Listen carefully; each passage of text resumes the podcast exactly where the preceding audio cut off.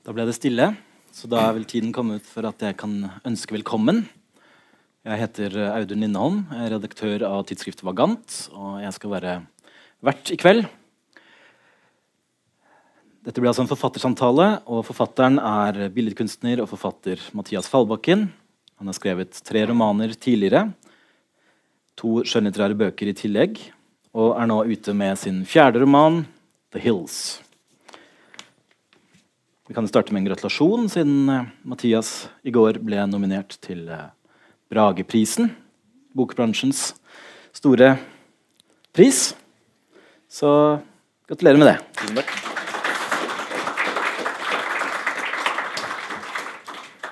Når man skal snakke om denne romanen, så er det ganske fristende å begynne med å stupe rett inn i de tematiske diskusjonene som uh, romanen virvler opp.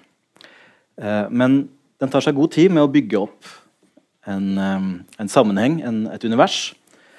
Og jeg tror vi må bruke litt samme metode her. Mm. Så jeg tenkte jeg skulle begynne med å spørre om eh, hva er en romanesco? Oh, ja. er det en kål? Det er en kål, ja. Det er en slags blomkål eh, Det er liksom blomkålfamilien, tror jeg. Um, ikke og, brokkoli? Er den det? Den har i hvert fall et spesielt utseende. Um, som um, den, er, den, har sånne Den er kjegleformet, og så består kjeglene av kjegler. Og så er den Den ser ut som en sånn mandelbrot-tegning. Uh, Fraktal tegning. Den er veldig spektakulær. Din forteller assosierer også til Eschers tegninger. Ja. Som en slags uh, gammel gammeleuropeisk assosiasjon som han har. Mm. Og eh, Fortelleren han har en mengde spesialisert kunnskap som dukker opp i alle mulige og umulige sammenhenger i løpet av romanen. Eh, og den kunnskapen den befinner seg i utgangspunktet innenfor et lukket univers. Mm. Og det er da kafeen, restauranten. Mm. En slags eh, kontinental kafésfære. Mm. mm. Eh, på et tidspunkt så filosoferer han litt over eh, størrelsen 'den evige kelner'. Mm. Han får jo ikke noe navn eller yrkesbetegnelse. Eller Det er ingen som tiltaler han i løpet av romanen. Nei. Men vi kan i hvert fall slå fast at han er en, eh, en kelner som til de grader lever opp til rollen. Mm. Og hans univers det er altså The Hills, som er denne kafeen, skråstrek restauranten. Ja. Og lenge så er det som om det er et ganske tidløst univers, dette her. Uh, dette stedet representerer en uh, en, en, verden ved siden av den omgivende verden. Um, og vi får ikke vite stort om hovedpersonen eller fortelleren. Det er kanskje ikke helt riktig å si at han er hovedperson, forresten, for han er jo til de grader en uh, betrakter. Mm. Mm. Skal jeg si noe om det? uh, hva, hva, kan du kanskje si noe om hva det er han betrakter? Hva er det som, som kommer til syne innenfor hans verden? Um, jeg, da jeg begynte å skrive, så tenkte jeg jo at hovedpersonen i boka er restauranten. Altså det stedet. Eh, og da trengte jeg noen til å beskrive et, det stedet, eller på en eller annen måte nesten meisle ut det stedet som en, nesten som en skulptur. Og, eh, eh, så det var, må jo være, måtte jo være en som kjente fra en, en til annen, og alle detaljer. og Både fysiske detaljer og alle rutiner og alle daglige, daglige donten. Og da var kelneren et, et lett valg. Um, så likevel vil jeg også jobbe med en jeg-forteller som på en eller annen måte kunne være allviter i, innenfor de veggene der. Da. Så han kelneren, han er jo um, Han vet jo absolutt alt, mer eller mindre alt som foregår um, der inne, samtidig som jeg mener hans uh, utviklingspunkt er veldig begrensa, for han vet ikke så mye mer, på en eller annen måte mer enn det. Han kan alt om brokkolier og uh, kåltyper, men Han vet alt om hovmesteren og kokken og kan beskrive hvordan alt ser ut i detalj, og så kjenner han godt til kjøkkenet, garderoben bak kjøkkenet, og ikke minst kjelleren, som er også et Som får en uh, ganske viktig rolle underveis. Ja. Og jeg må si at det er en og helt forbløffende å komme til det partiet hvor han første gang i romanen besøker kjelleren, Ja. og hyllesystemet Ja. beskrives, Mhm. og korridoren han går innover der. ja. Det var jo nesten en Escher-tegning i seg selv. Det er litt, er Escher-aktig, ja. Mm. Veldig Hyll- Hyller er jo noe du har interessert deg for før. ja, Det har jeg faktisk ikke tenkt på. Men det er sant, det. Mm. Dette er veldig gamle hyller. da, Et sånt gammelt, intrikat eh, hyllesystem. Traktale hyller. Ja, litt fraktale hyller, ja. Da jeg beskrev det, så prøvde jeg egentlig ja, Gi bort hemmeligheten min, men det, da jeg beskrev det, så beskrev jeg egentlig en eh, sånn eh, cockpit mer, mer enn en kjeller. Eller en slags sånn Altså opplø... Eller detaljrikdom man finner i en sånn romstasjon eller den type. Mm. Ja. Når man, altså, kanskje de første 80 sidene av romanen, eller noe sånt, så forventer man at, det, at dette skal bli en slags veldig um, klartseende sosiologisk beskrivelse Ja. av de menneskene som, som er stamgjester, ja. og de rollene som um, restaurantpersonalet inntar. Mm. Som er vidt ulike roller. De har sine funksjoner å fylle. Mm. For eksempel så nevnes det flere ganger uh, uh, altså, Fortelleren sier at uh, dette er mennesker som har kontakter i Oslo-sosieteten. Mm. Om det finnes noe sånt som en Oslo-sosietet. Mm. Og så står det noe om at um, de kanskje, en av dem har høyborgerlige manerer. I den grad det finnes noe sånt som høyborgerlige manerer i Norge. Mm. Og dette er jo, typ, det er jo typiske sosiologiske funderinger I Oslo får vi, vi får si Oslo, da. i Oslo. Siden vi nå er i Bergen, og vi vet jo at her fins det. Men romanen vil et annet sted. Ja. Eh, For å si det noen og nitti så skjer det et slags omslag. ja. Det oppstår et plutselig crescendo. Og det må jeg si eh, var eh, veldig eh, fascinerende å bli med på eh, de, det omslaget som da, som da skjer. Um, men det er altså to, to hovedgrupper av mennesker Mm. som fortelleren har eh, observert de dagene vi følger han, de innledende dagene. Og så plutselig så dukker det opp et uromoment Mm. som eh, Det har vært en sakte, møysommelig oppbygd orden. Og det, det er tydelig at dette er mennesker som følger eh, rutinene. Mm. Om de så er høyborgerlige eller eh, mer bohemaktige, så, så er det rutiner. Mm. Og så kommer det inn et menneske som eh, bryter ned den orden, eller skaper uorden. ja. Hvem er hun? Um, ja, hun er jo en som uh, skaper uorden, da. Em, og ikke minst så oppretter hun en slags kontakt mellom fraksjoner som kelneren helst uh, ser atskilt. De har sine stambord, og De de har har, aldri interagert. Og de har aldri interagert, og de sitter ved siden av hverandre. Og hun fungerer på en eller annen måte som en slags enzym mellom de, de bordene. Pluss at hun fanger kelnerens oppmerksomhet på en måte som han er, er litt uvant for ham, kanskje. Og så begynner han å mistenke at hun pirker borti en av de andre stamgjestene, som er en venn av ham, og hans datter, som er kanskje de personene han er mer, mest sånn personlig eh, knytta til. Da. Mm. Og, og, og da blir det rot i boksen. Da. Eh, den, det, er en, gjest som uh, forsøker å bruke kelneren som eh, en slags forhandler. Ja. Han vil komme i kontakt med dette andre bordet, Mm. men kelneren vrir seg unna. Ja. Hvorfor, hvorfor gjør han det?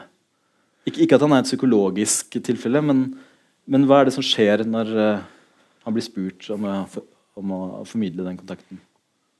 Nei, det Da går du på utsiden av stillingsbeskrivelsen hans, da. Og det tåler han jo egentlig ikke. Han forklarer jo Han er jo en, eh, et hakk nevrotisk, denne karen, og det forteller han om. Um, og kelnergjerningen er derfor et perfekt uh, yrke for ham, for der er det uh, handler om ren rutine, og det samme, det eksakt samme skal skje hver dag. Uh, og når noen vil på en måte bruke hans posisjon som en brikke i noen forhandlinger, eller noe sånt, da, da blir han jo helt forstyrra og trekker seg unna som en sånn kreps. Trekker seg baklengs unna. Ja. Eller eh, en eh, salamander eller et, et slags vesen som man har i terrarier. Det er jo det er noe terrarieaktig ved, Ja, ved The Hills. Ja, litt. Um, og det vi får være vitne til, er jo da at uh, det vante livet uh, brytes opp. Um, men uh, hun, hun, som da blir den som forhandler mellom bordene i stedet for, barnedamen, mm. som hun blir hetende I likhet med de andre så er jo hun en, en funksjon eller en rolle. Mm. Ikke en psykologisk uh, person. Mm. Det er ikke et rundt psykologisk portrett. Um, så hun er også mer, mer, et slags prinsipp. Og det er vel uordenens prinsipp, på et vis. Ja, det, det, det, kan det være. Det kan være flere ting, egentlig. Det som er litt morsomt, som jeg heller ikke skal kanskje avsløre her, og som blir en sånn liten rebus, er at faktisk nesten alle beskrivelsene av henne er henta fra et annet sted. Av, fra en spesifikk tekst, og det er det faktisk så langt ingen som har eh, plukka opp. Ok. kan, jeg, kan jeg gjette litt? Jeg har ikke tenkt på den muligheten, men mm. uh, hun uh, så, altså, vi, vi, Det er kanskje nesten litt dumt å plumpe ut med det, for da, da, blir, hun jo, da blir, blir, hun det med en gang. Uh, for hun skal jo fungere som en karakter også. Uh, og da blir det på en, måte en veldig sånn Ikke teoretisk, men det blir en veldig spesifikk ja. greie. da Men hun, hun representerer noe. Mm. Og selve restauranten er et slags tidløst rom, mm. hvor i hvert fall uh, noe klassisk moderne møter ja. eh, Møter samtiden. Ja. Um, men, og hun er jo på et sett og vis samtiden. Kanskje mm. alt som er både tiltrekkende og frastøtende mm. ved samtidens ja, billedkultur og uh, Instagram-kultur og uh, bloggerkultur. Mm. Um, men hun er også på en eller annen måte et lite hakk over det. da. Hun er ganske skarp. virker som det er det som, det er det som gjør at han fortsatt er interessert. Hun, han ser at hun er kompetent på et eller annet. Ja, For det er et maktperspektiv der også? Ja, ja kanskje. Ja. Mm. Um, det er også noen um, veldig paradoksale beskrivelser av henne. At hun mm. på sett og vis um, Hva er det det står et sted at hun uh, Hun er perfekt på en måte som som gjør at man nesten mistenker at hun er funnet opp av uh, uh, en, At hun har en misogyn oppfinnelse. Ja, det er sant. Mm. Hva, hva innebærer det? Nei, ja, det, er, det, er, jo et sitat, da. Så man skjønner det hvis man finner kilden til disse sitatene. Mm. Ja. Men det jeg har gjort litt Hun er, hun er litt blanda på den måten at Veldig ofte så er karakterene mine som du sier, et, et sånt prinsipp eller premiss eller en enkel idé. Eh, og jeg gjør det ofte når jeg skriver. Eh, som du sier, ikke avrunda psykologiske portretter, men det jeg ofte gjør, er å um, ta, en, ta et element eller et eh, fenomen eller noe sånt, og så prøver jeg å beskrive det som en person. For eksempel hvis alkohol var en kar Beskriv. Ikke sant? Så jeg har et lite sånn eh, prinsipp på henne òg. At, at, jeg bare egentlig beskriver en ting når jeg skal beskrive henne. Mm. Mm. ja, nei, altså ja. Det, gjelder for, det, det gjelder for, alle de andre òg. Altså, det, det, er jo noen gode, noen gode, refleksjoner om dette i romanen. Den, til tider så er den veldig eseistisk mm. og tidsdiagnostiserende. Mm. Eh, men da altså, Hele veien i boka så er det, den er veldig snedig konstruert. Og uh, det er jo ikke sånn at fortelleren får bli en slags uh, tids, uh, tidsånd-gjennomskuer. Han, han, legger de fleste refleksjonene over samtiden i munnen på sin uh, beste venn. Kompisene. Mm.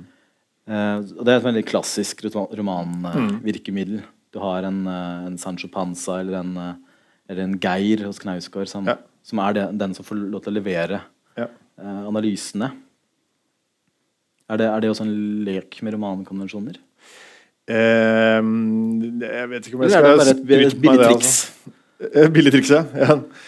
Um, ja. Jeg vet ikke om jeg skal skryte meg det, altså. Uh, um, et triks, i hvert fall. Ja, ja. Og på en eller annen måte bare ja, et triks, ja. Fjerne, fjerne liksom påstandene et tak fra meg, da, eller fra jeg fortelleren. Eh, det gir mer frihet. Da kan flere ting påstås, eh, føler jeg, når jeg sitter og skriver. i hvert fall. Ja. Eh, og det opplevde også jeg veldig sterkt da jeg leste boka. At uh, uh, det oppstår en forventning sånn rundt side 100 eller noe sånt, om at det skal komme veldig tydelige eh, tidsånddiagnoser. Nærmest som en, i en Michel Verbeck-roman. Og at de, hvis de da framstilles av jeg-fortelleren, så blir det sånn at det fort kan klebe til deg. Ja. Noe du, Ja. du Sånn mener du det er. Ja. Men den har mange snedige måter å unngå det på. Ja, ikke sant. Nei, når det legges i munnen på han Edgar, så kan jo alltid jeg fortelleren på en måte eh, disse det litt, da. Ikke sant? Med en liten sånn eh, Du kommer med en lang tirade, og så sier han Jeg sier nå i hvert fall Edgar, da. Ikke sant? så Ja. da får man gitt en liten Det er alltid en viss distanse, for det, det er også visse ord og uttrykk han bruker, så sier han 'som det heter'. Mm. Så da er det en uh, Han vet at det han sier, allerede er konvensjon. Ja. Altså, han er jo i Ja. seg selv en vandrende konvensjon. Men han har jo også veldig friske observasjoner av ditt og datten. Mm. Men like fullt så slenger han gjerne på et 'som det heter'. ja. Han tar det i seg litt. Mm. Um, du har jo skrevet tre romaner før, Ja. og du har brukt Der er det også prinsipper som spilles ut mot hverandre, Mm. men, men denne gangen så er det en mye mer humanistisk roman. Mm. Elisabeth Bedari i Morgenbladet skrev vel også det at det en det har kommet en humanistisk touch inn i Det er ikke direkte sitat, men hun sa noe i den retningen. Mm. Inn i romanen. Den er mye mer um, tilforlatelig og um, altså En mer klassisk romanform, Mm. med en mer humanistisk romanform enn- enn du har brukt før. Hvordan, hvordan hendte det? Eh, Hvis du Skal- likevel har den, den måten å skrive på at det er uh, skal ikke mye til å være mer humanistisk enn de forrige romanene jeg skrev. Eh, så bare en liten dråpe humanisme der, så er det um, um, Jeg vet ikke, det er jo lenge siden jeg skrev dem. Jeg begynte å skrive den første rett etter at, etter at jeg flytta fra Bergen, faktisk. I 98, så det er jo 20 år siden. Uh, og så holdt jeg koken på det, det der litt sånn negativistiske tonen da, gjennom trilogien, og så skrev jeg jo ikke noen ting så, eh, mellom 2008 og, og nå, da. mm. Eh, så eh, Nei, hvordan skjedde det? Eh, da jeg plukka opp igjen eh, pennen her, så måtte jeg jo rote rundt lenge og vel for å finne kanskje tonen, og for i det hele tatt overbevise meg om at å skrive fiksjon var eh, noe vits. Og jeg følte meg veldig veldig eh, dum lenge. Mange morgener der hvor jeg satte meg ned og eh, Når du ikke har gjort det på lang tid, så skrive sånn bla, bla, bla, sa hun, la, la, la, sa han. Det føles veldig, føles veldig tullete, altså. For, Men, eh, for en voksen mann å sitte og holde på sånn. Ja, men du har likevel tillatt deg å gjøre det. Ja, ja. Som jeg nevnte, så bruker den jo lang tid på å bygge opp eh, universet. Og, Ja. og da er det en veldig sånn klassisk romandisposisjon og Ja. tingbeskrivelser og kutymebeskrivelser. Ja.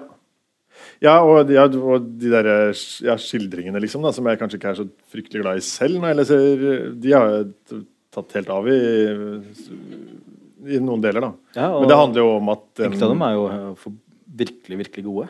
Ja, Så takk. det er noe du burde gjøre, burde gjøre mer av. Ja, nettopp. ja. Um, nei, men det, det kom jo av Det kom jo av ideen jeg, jeg hadde. Altså um, For å få planta den, den Altså få fram Mane frem den restauranten rent sånn fysisk, så måtte jeg gjøre det. Um, og så måtte jeg jo da finne tonen til han, eh, han figuren som skal fortelle alt dette her, da. Eh, og når jeg begynte å skrive, så var det jo, så var jo liksom den der eh, hysteriske, aggressive, hektiske tonen eh, til de tidligere bøkene mine, den var jo Den kom ikke fram i det hele tatt. Så da, så da ble det sånn. Så det er ikke noe sånn Du har ikke sittet og planlagt dette her. Det var, det var sånn det ble. Hvorfor akkurat restauranten Eh, en som, restaurant. som sted? Em, det er jo også en lang historie um, Som jeg sa på et annet uh, bokbad her. Altså jeg vi jobber jo som uh, billedkunstner. Da blir det mange restaurantbesøk. Jeg har gjort det i um, Ja. Jeg har gjort det i mange år. Og og når man stiller ut i utlandet og på kontinenten og så fint, så, så um, ender man jo opp på, på veldig bra steder. Fordi de, altså de kunstfolka i enhver by vet jo om de beste stedene. Så da har jeg spist på en del steder som har slått meg som um, noe mer enn sånne fancy steder. da. Jeg skjønte at her er det en slags sånn langlinjet fortelling om byen, kanskje. Og ofte så kan de minne litt. ikke sant? De har det samme formatet i Berlin eller Rotterdam eller London eller Zürich eller noe sånt. Deler mange av de samme ideene. Og da har jeg som tenkt og, og, på en måte en sånn derre um, En sånn um, idé om et lokal eller lokalitet da, som, som funker så mange steder og så godt, må jo være på en eller annen måte en god idé. da. Mm. Er, men, du, men, du, profanerer jo på sett og vis ideen om det, dette stedet med historie også, fordi måten du beskriver historien på, ja. er bl.a. i et kapittel gjennom å beskrive alle lagene av uh, avisutklipp og klistremerker og sånt som er mm. klistra oppå hverandre bortover veggen. Mm. Og det, selv om stedet har en, har en opphøyd aura, så, mm. så, får du den fram Du får auraen fram gjennom klistremerker. Ja. Nei, det er en beskrivelse av et uh, reelt sted. Altså så um, um, Beskrivelsen her er et slags sånn Frankensteins-monster av tre-fire-fem steder som jeg vet om, og som jeg har vært et del ganger. Og, og City og glodd. Blant annet et sted i Rotterdam hvor det da av en grunn hvor det, hvor det er helt verdensklasse um, europeisk sånn bistromat, men hvor det av en eller annen grunn er lov til å klistre klistremerker på veggene. Så den er helt sånn der ned den er helt nedosa, nedsausa, så har den da lag på lag på lag, på lag med, med klistremerker og, på langs brystningen. Mm. Så det Et annet rom som bærer på en historie i romanen, er uh, kjøkkenet. Mm. Som også blir en slags sånn uvirkelig uh, Escher-tegning, nærmest. Sånn, mm. Hvor lagene av sot mm. gjør at uh, du bare ser en sånn svart avgrunn i taket. Ja, nettopp.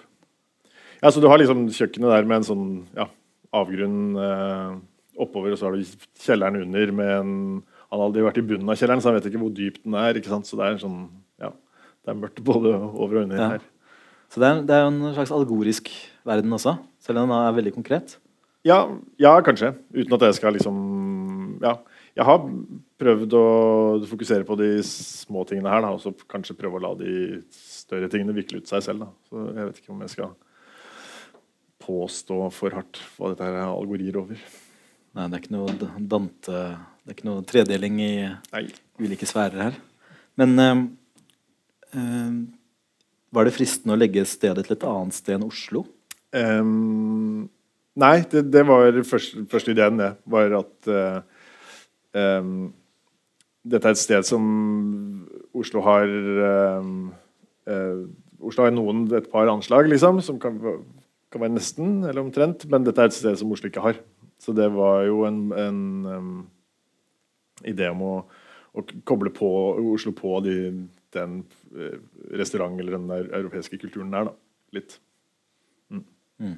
Og, gi, og gi uh, Oslo en sånn ja En sånn eh, langlinjet greie istedenfor alle de Det er mye nye og fancy restauranter i Oslo, da, men det er, det er ikke så mange av de som har holdt stand. da. Men um, da har du jo måttet låne litt fra andre land. Ja, ja. Mm. Eh, det er jo en innflyttet familie. Og ja, ja, de uh, kontaktene med bohemen og spissborgerskapet, de, de, er liksom, de kontaktene er fra andre land. Ja. Mm. Er, det, er, det, frustrerende også, at Oslo er en så flat by historisk sett? Nei, det, det vet jeg ikke om det er, altså, men um, uh, Nei, jeg vet ikke. Frustrerende, nei, egentlig ikke. Nei. Jeg kommer ikke fra Oslo heller, så det er ikke så Det er ikke så, det er ikke så farlig. Eh, det er jo noen refleksjoner om historie i romanen også.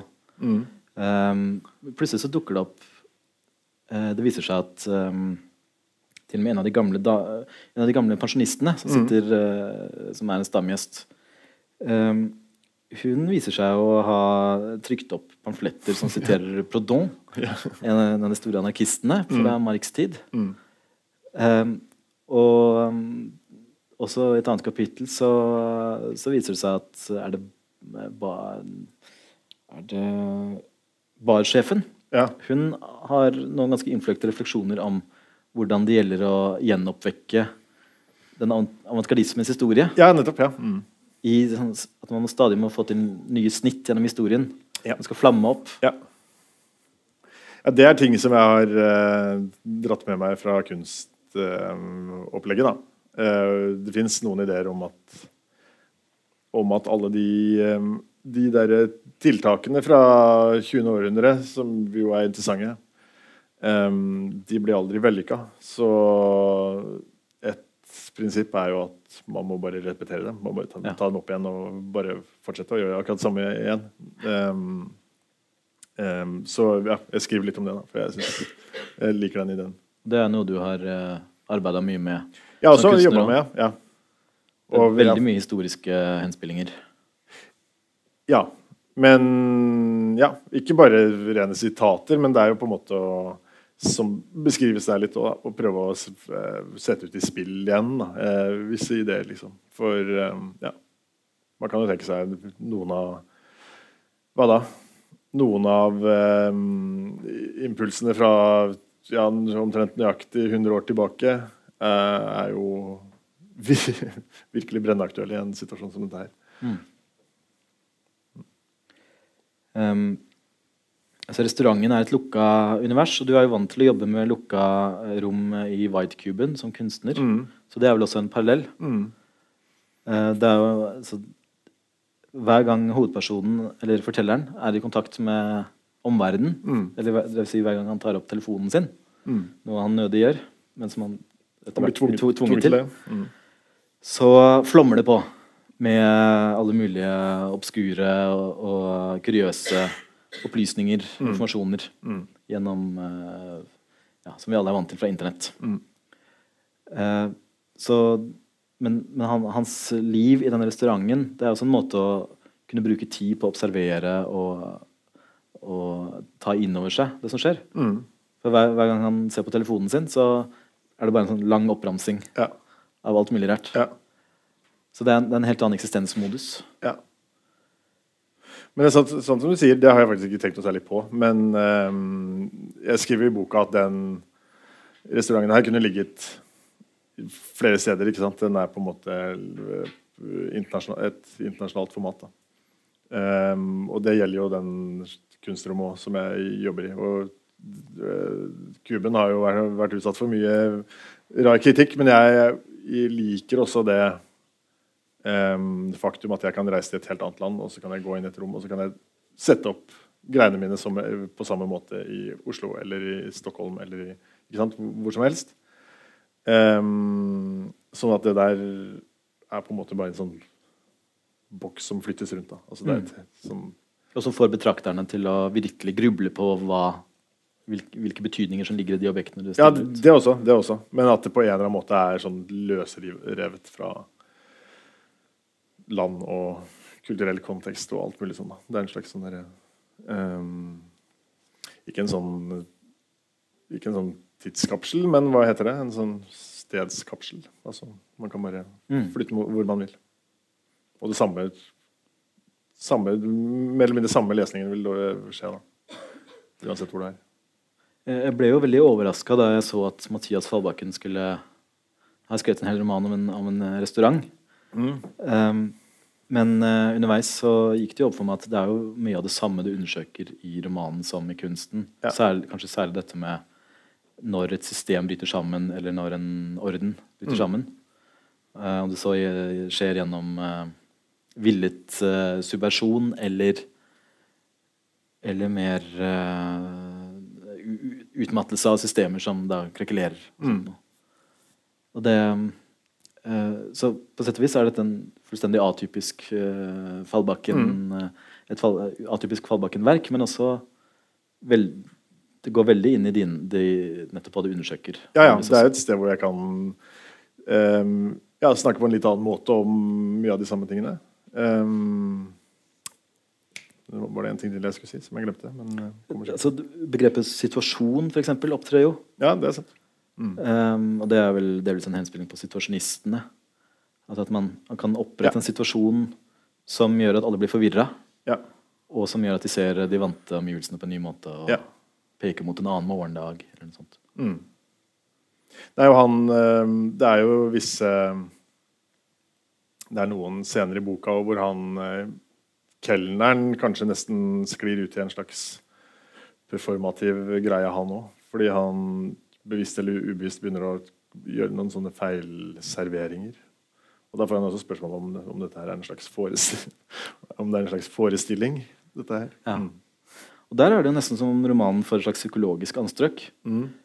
eh, når han begynner å miste kontrollen eller gjør eh, det, er, det kommer ikke helt klart fram om det er villede brudd Ja. Med vanen. Nei. Um, og det er jo veldig godt utført. Uh, noe som gjør at man uh, virkelig begynner å gruble, men man får ikke noe svar Mm. på hvorfor dette skjer. Uh, men han er jo en veldig danna person. Han, han behersker jo alle kodene. Mm. Han kan alle motedesignerne, han kan alle, eh, kunst, han har alle de kunsthistoriske referansene inne. Ja. Og så overhører han samtaler mellom folk som også er veldig opptatt av alle mulige sånn symbolske systemer. ja. Men han selv får ikke være med. Nei, og så er han jo litt sånn Fridtjof Fomlesen også, på, til tross for sin dannetet. Da. Han opplever jo seg selv som ganske eh, klumsete, tror jeg. Så fort han blir stressa, så begynner han å lute og kløne og Ja. sånn. Og der eh, oppstår det jo øyeblikket av stor komikk. Ikke minst med denne Romanesco romanesco-brokkolien, eller kålen, eller hva, hva den er. Ja. Som han plutselig bærer med seg uten å være helt bevisst på at han gjør det. Ja. Ehm, men han har en um, um, altså Han har et slags gjennomskuende blikk, og han behersker kodene. Uh, så, så han, han, han gjør altså Han er ikke helt som fisken i vannet. Han, han gjør at vi, vi blir også veldig oppmerksom på, på, på de eh, symbolske systemene som hele tida Mm. er, er i spill. Men han, han er ikke i posisjon til å kritisere dem eller å gripe inn i dem ordentlig. Altså Det blir en liten gløtt inni noe annet, men det er ikke en, det er ikke en typisk gjennomskuende forteller. Neida. Eh, Hvor kun, eh, Var det ikke fristende å gjøre det litt mer radikalt? Altså å liksom, utlevere eh, disse jålebukkene, hvis man kan kalle dem det, da, Ja. mer? Hva, eh, eller hva gjorde at du sto mot fristelsen til å gå lenger i den retningen? Uh, nei, jeg vet ikke. Jeg prøvde vel å gå fram litt forsiktig, da. Um, og tenkte som så at hvis man er ute etter komikk eller å, å henge ut sånn der diner, fin dinering, så er det jo ikke Så trenger man ikke Altså, hvis man, hvis man bare ser på sånn gastronomisk vokabular, da. Hvis du lister opp hva ting heter på en meny på en fin restaurant, så er det jo komisk i seg selv. ikke sant? Så bare du, bare du Pasjonsfruktvinaigrett, f.eks. For Det er mange ja. veldig flotte ord her. Ja. Mm. Jordskokk, jordskokk Ja. Og på, og på et tidspunkt Nok av sånne i sammenheng, så er det morsomt. når alt virkelig bryter sammen, så spiser de jo til og med ost før middagen. Ja. Dette er en spoiler, da, for det er jo den, dette er et stort drama i hele romanen. At, at osten kommer før middagen. Helt på slutten her. Um, ja, han ene, han ene um, hoved... Hva skal man si? Sånn um, uh, Sulebukken, eller en av de trø, uh, trøbbelmakerne, da. Han um, han har jo funksjon av et slags, av et slags sånn troll, på en måte. Han troller og omgivelsene sine litt. Og har en eh, eh, Han klarer å turnere da, disse her uh, finfolka på slutten her ved å bl.a. Vri, vri om på serveringsriten eh, på et subtilt vis. Og ja, da blir det drama, vet. Inni kelneren. Ja, det blir det. Og det er, eh, det er antydninger til et psykologisk drama, men uh, eh, likevel ikke helt. Så det er en ganske underlig fortellerposisjon. For fortelleren din, han, altså han, det er jo som han snakker til noen. Ja. Og han er i situasjonen og reflekterer over den, presenterer den. Men han er jo samtidig egentlig ikke i posisjon til å vite hva han hva, er, hva han holder på med, eller um, Altså, han har ikke veldig mye innsikt i seg selv. Nei. Ehm, men det, det er vel den typen friheter man kan ta seg i romaner? da Å late som om en person går rundt og, og tenker som en roman. Ja, ja. Nei, jeg håper det. Eh, jeg håper det. Du får eh, Ja, du får teoretisere rundt det. Altså Ja. Nei. Mm. Ja, for, eksempel, for eksempel når han altså, Av og til så korrigerer han seg selv eller kommenterer uttrykk han bruker. Ja. Det er kanskje ikke noe man vanligvis gjør i en indre monolog. Nei. Kanskje ikke. Jeg vet ikke.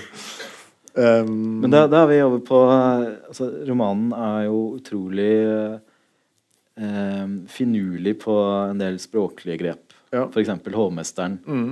snakker nesten utelukkende i eh, ordspråk. Ord, ordtak, ja. Mm. ordtaket. Så den, eh, denne verbale komikken er med fra de tidligere romanene. Ja. Um, igjen kanskje ikke så hysterisk, men det er jo det, er jo det da. Og um, det er jo litt av det som som um, er moroa for meg når jeg skriver, her, at det er å bruke språk som et slags materiale. Da. Så um, når du spør om de tingene om fortellerstemmen og alt mulig sånn, så, så tipper jeg at måten jeg griper det an på, er at jeg har lest noen romaner, ikke for mange, til å drive og skrive selv, men nok til å se at dette her er en slags em, konvensjon eller en boks eller et, et redskap som jeg kan stjele, og så kan jeg, så kan jeg egentlig bruke det som, som jeg vil. Altså. Så jeg har, ikke, jeg, har ikke, jeg har aldri noe stort sånn litteraturteoretisk prosjekt når jeg um, starter med dette her, for, jeg har, eh, for jeg, det kan jeg ikke nok om, rett og slett. Um, men jeg kan være um, ganske oppfinnsom hvis jeg har på en måte en, en ramme for Eller ja, en, en, en ramme som jeg kan putte ideer inni. Um, så sånn er det funker for meg. Så en fortellerstemme blir da en stemme som jeg kan eh, la si hva som helst. ikke sant? Og en, um, et rom blir en, en kasse som jeg kan pælme hva som helst inn i. Mm. Ja. For bakgrunnen Først og fremst er det jo billedkunstner. Mm. Og siden vi nå er i Bergen, så kan vi jo altså nevne det at du, du studerte her. Mm. Og mens du studerte, så starta du et prosjekt sammen med Gardar Eide Einarsson. Ja. Hva var det det het? Bergen Bergens senter for samtidskunst? Bergen museum for samtidskunst, Museum. faktisk. Mm. Så det første dere gjorde, var å lage et museum. Ja. Og det, altså, det er en paradoksal sammenstilling mellom det samtidige og, og det museale. Ja. Jeg tok faktisk en liten Jeg har nesten ikke vært tilbake siden jeg flytta herfra i 1998.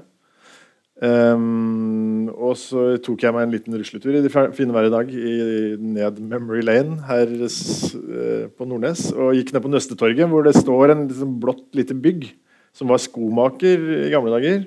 Og som jeg fikk leid av han skomakeren. Og Nei, det hadde vært skomaker, og så var, var det kebabsjappe, og så fikk jeg, mm, så fikk jeg leid det.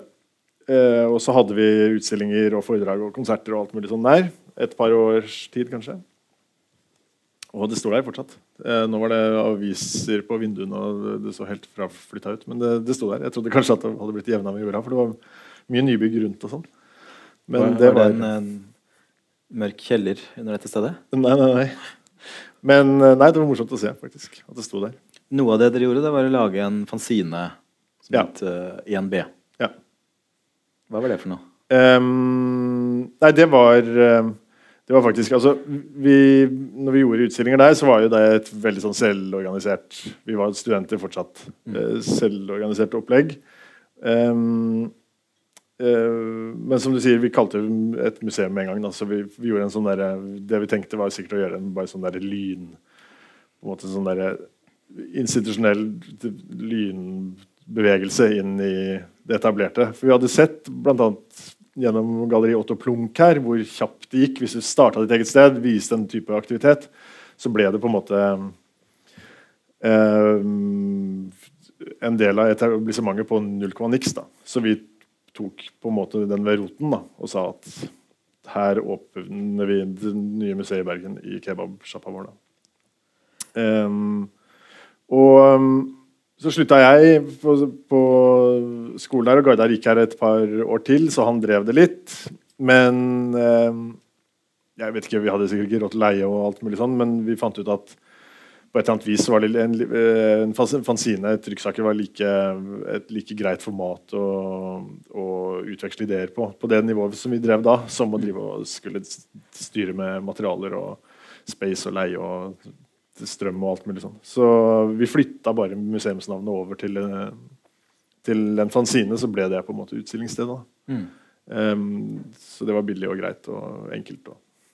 Det, det, er jo et, um, et godt eksempel på at dere, dere kommer fra dere, Eller dere er del av en generasjon som har et veldig institusjonelt blikk på kunsten.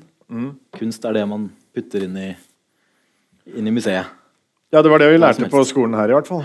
Så på den tiden der så tenkte vi vel kanskje det. Mm.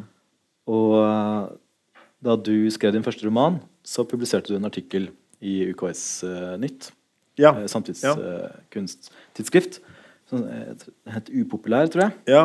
Hvor du også liksom, la fram det å ha skrevet en roman som et slags eksperiment fra din side. For ja. å sjekke hvordan litteraturinstitusjonen fungerte. Ja, I samtidskunsten har alle som har alle et sånn veldig analytisk blikk på også institusjonen de arbeider innenfor. Mm. Mens i litteraturen så er, er, man så vant til at saker og ting fungerer med forlag og konsulenter og redaktører. Mm og distribusjon i bokhandlene at man nesten ikke tenker over det. Mm. Mens du da presenterte det som at dette var en undersøkelse av å finne ut hvordan alle ledd i prosessen fungerte. Ja, ja altså det var ikke så strukturelt, men jeg var interessert i den litterære institusjonen som en mer Jeg opplevde den som en mer sånn eh, populistisk, kanskje. eh, institusjon, samtidig som, jeg, eh, som den hadde sånn kulturell tyngde og og fikk oppmerksomhet. Så jeg tenkte at um, hvis man skulle på en måte uh, distribuere ideer, da, så ville det være uh, nå et større og mer mangefasettert publikum. Um, jeg hadde en idé om det. Mm. Um, så det var vel Da jeg begynte å skrive den første boka mi, så var det jo et forsøk på å ta de litt sånn ikke introverte, men litt sånn um, hårete ideer fra kunstfeltet, og så få dem over et mer sånn populistisk format. da som i prinsippet ville ende opp på alle biblioteker. Og, sant, som, for mange lesere. For mange lesere. Mm. Noe du jo også oppnådde. Ja det, det, ja, det gjorde jeg for så vidt. Så det var jo eh, det var morsomt, det. Uh, og så skjønte jeg jo selvfølgelig at ja, litteraturverdenen er selvfølgelig også en egen verden og en lukka verden. og Den har vel kanskje på et eller annet vis ikke blitt noe større heller med åra. Altså nå, nå, nå, minner den kanskje mer om kunstverden slik kunstverden var da. Altså um, små klikker og spesielt interesserte og alt mulig sånn. Mm. Så jeg tipper at det var litt andre tider da, kanskje. Jeg vet ikke. Hva tror du? uh, altså, den nye romanen din er jo en mer klassisk roman også. Hvis man ikke kjenner noe til bakgrunnen din, så kan man jo tro at dette er jo en uh, veldig elegant utført roman av en person som alltid har skrevet romaner. Mm.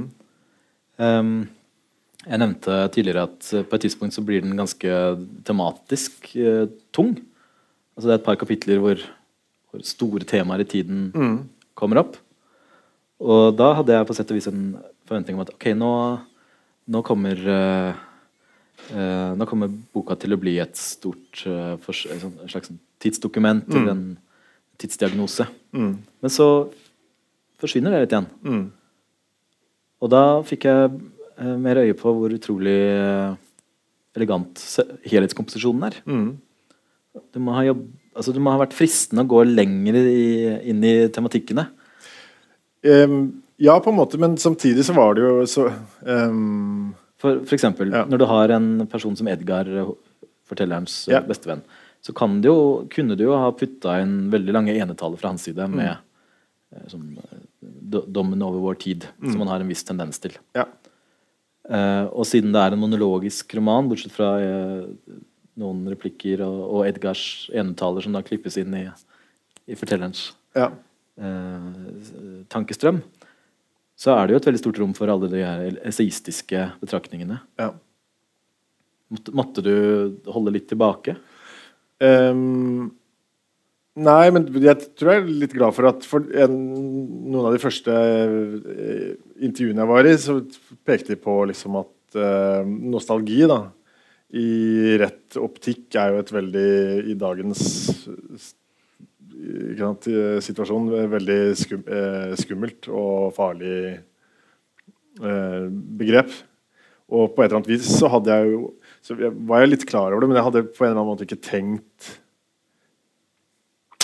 Jeg hadde på en eller annen måte ikke tenkt den tanken helt ut. Og jeg hadde på en måte ikke sånn samtidig gjort den fullstendig. liksom, At jeg tenkte at ok, dette her blir, går fra å være en brun restaurant til noe brunt annet, liksom. ikke sant? Um, og den er nostalgisk, og jeg har jo gått inn i dette her med kjærlighet også for liksom gamle dager og alt, alt mulig sånn. da. Så på et eller annet vis så er jeg kanskje glad for at jeg ikke dro det eh, lenger, for det kunne jeg lett ha gjort. Kjente jeg. Kjente jeg. Ja, man, man, får veldig lyst til å sette seg på en kontinentalkafé og lese aviser. Ikke sant? masse aviser. ikke sant? Etter å ha lest den romanen. Mm. Ja, ja. Men, ja. Mm. men det med at Ikke sant. Gode, gamle Europa og Europa under press. Og, Hvis man ser på dette her som et sånn miniatyrbilde av Europa, da, så blir det jo fort problematisk. Hvis man snakker om utafor og innafor og hva som skal bevares. og eh, sånn og sånn. Um, Men du ser at det går an å lese romanen, sant? Ja, ja. Jeg, en, ja jeg ser det. Et miniunivers som representerer hele, mm. hele kontinentet mm. og alt som er i ferd med å forsvinne. Ja, men det er vel, jeg har vel sikkert underveis vært litt redd for å liksom bore for uh, dypt inn i det der. Da. Så det er sikkert derfor jeg har uh, Når du merker at, at, jeg tipper inn den veien, så har jeg styrt ut igjen. Mm. Men det sier jo også noe om at uh, dette er tenkt som en roman og ikke som et langt essay. Mm. Det er, det er en, komposisjonen har veldig mye å si. Hvordan vokste den fram? Den um jeg har jo virkelig, Når jeg skrev tidligere, så har jeg virkelig ikke komponert eh, i det hele tatt. Da har jeg skrevet første kapittel først, og så videre, liksom. Mens her så la jeg opp en slags jeg la opp en slags struktur, men uten å vite helt hva som skjer. fordi det blir fort kjedelig hvis du veit hvor du skal hen om 200 sider. altså. Så jeg er ikke noe sånn um, Jeg sitter ikke og plotter sånn sett. Uh, og jeg er veldig åpen for uh, at uh, jeg er oppfinnsom mens jeg skriver. Altså jeg, kommer, jeg um, finner på veldig mye mens jeg skriver, og så prøver jeg å lage en ramme sånn at jeg kan um, ja, plassere tilfeldigheter som kommer opp når jeg skriver, kan jeg plassere sant, rundt omkring og knytte opp mot ja. Um, så jeg hadde et, hva skal man si, en, et, et reisverk her, da, hvor det var lettere for meg å å ja, distribuere ideer som kom opp mm. underveis. Da. Men det er jo ikke noe ja, Det er virkelig ikke noe eh, ferdigplotta når, når jeg starter å skrive. Altså. Du vil ikke skrive den store romanen om hvordan ost blir servert før Nei. hovedretten? Nei. Nei, nettopp. og det, det, kunne jo også blitt den store romanen om eh, eh, søvn. Hvordan søvn er det eneste området i samfunnet som ikke er kapitalisert. Ja, ja.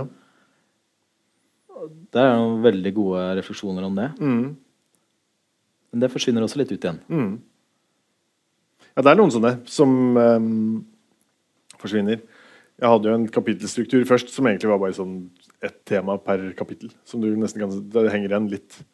Men um, dette er ting jeg har dette, er ting, jeg har tenkt på. Så, det, så de skal med, liksom. Um, og sånn sett så er jo arbeidsmetoden ganske lik som de tidligere bøkene mine, hvor jeg eh, på en eller annen måte hadde bare en bunke med ideer, og så bare fant jeg en måte å flette dem sammen på en, i en narrativ. Da. Så narrativen er egentlig en unnskyldning for å mm. diske ut de og de ideene. Det er jo en understrøm av eh, eh, kapitalismekritikk og avantgardistiske kunsttradisjoner her. Mm.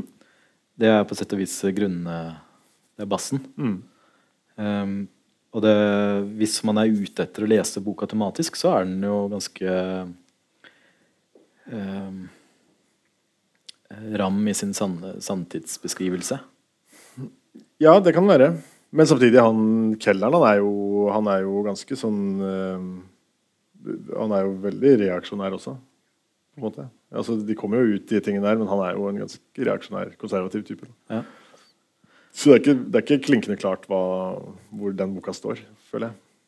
Nei, sær, særlig ikke når han jo Hele hans uh, metier er jo å beherske denne verden. Mm. Uh, så selv om man ser dem utenfra, så, så, så er han jo samtidig uh, helt avhengig av dem.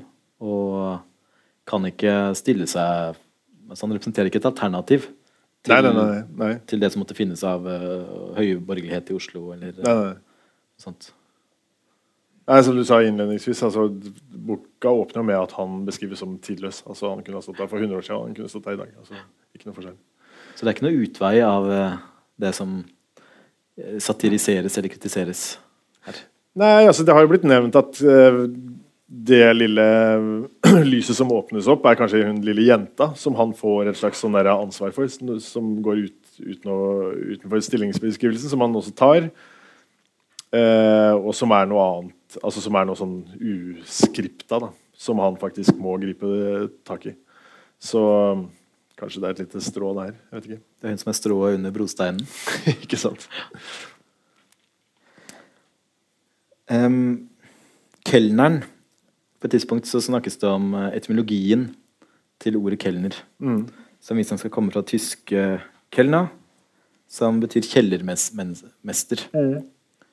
Eh, og det kjellermotivet er jo Der er det jo på sporet av noe ganske annet enn det romanen ellers uh, dreier seg om. Mm. Altså noe slags um, um, noe, noe mer arkaisk. Eller noe mer uh, kutonisk eller dyrisk. Mm. Hva, hva slags um, hva, hva slags motiv har det vært for deg?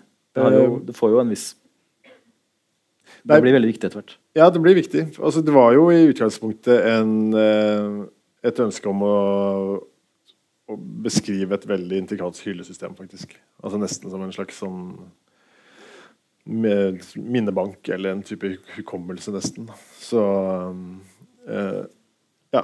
Men ja, et gammeldags, et gammeldags hjemmesnekret fraktalt, som du sa, og helt, egentlig helt umulig hylle, hyllesystem som har i seg alle de eh, ja, tradisjonelle greiene som restauranten trenger, men også alle de gamle ordene egentlig som restauranten trenger. Altså, de fleste av de tingene som beskrives der nede, er jo på en måte kommer fra en annen tid også, sånn språklig. Da. Så det var jo en måte å hente opp bare begreper på, da. Eh, som jeg kunne liksom dra opp fra den kjelleren der, og så sprinkle rundt i, i restauranten. Mm. Vet ikke, noe sånt. Apropos uh, hyller, så kommer da boka til å være til salgs i boksalongen nede. Så dere kan ta den med igjen til deres egen hylle med en signatur fra Mathias Fallbakken, om dere vil. Tusen takk for at dere kom. Tusen takk til Mathias for uh, samtalen. Og takk for oss.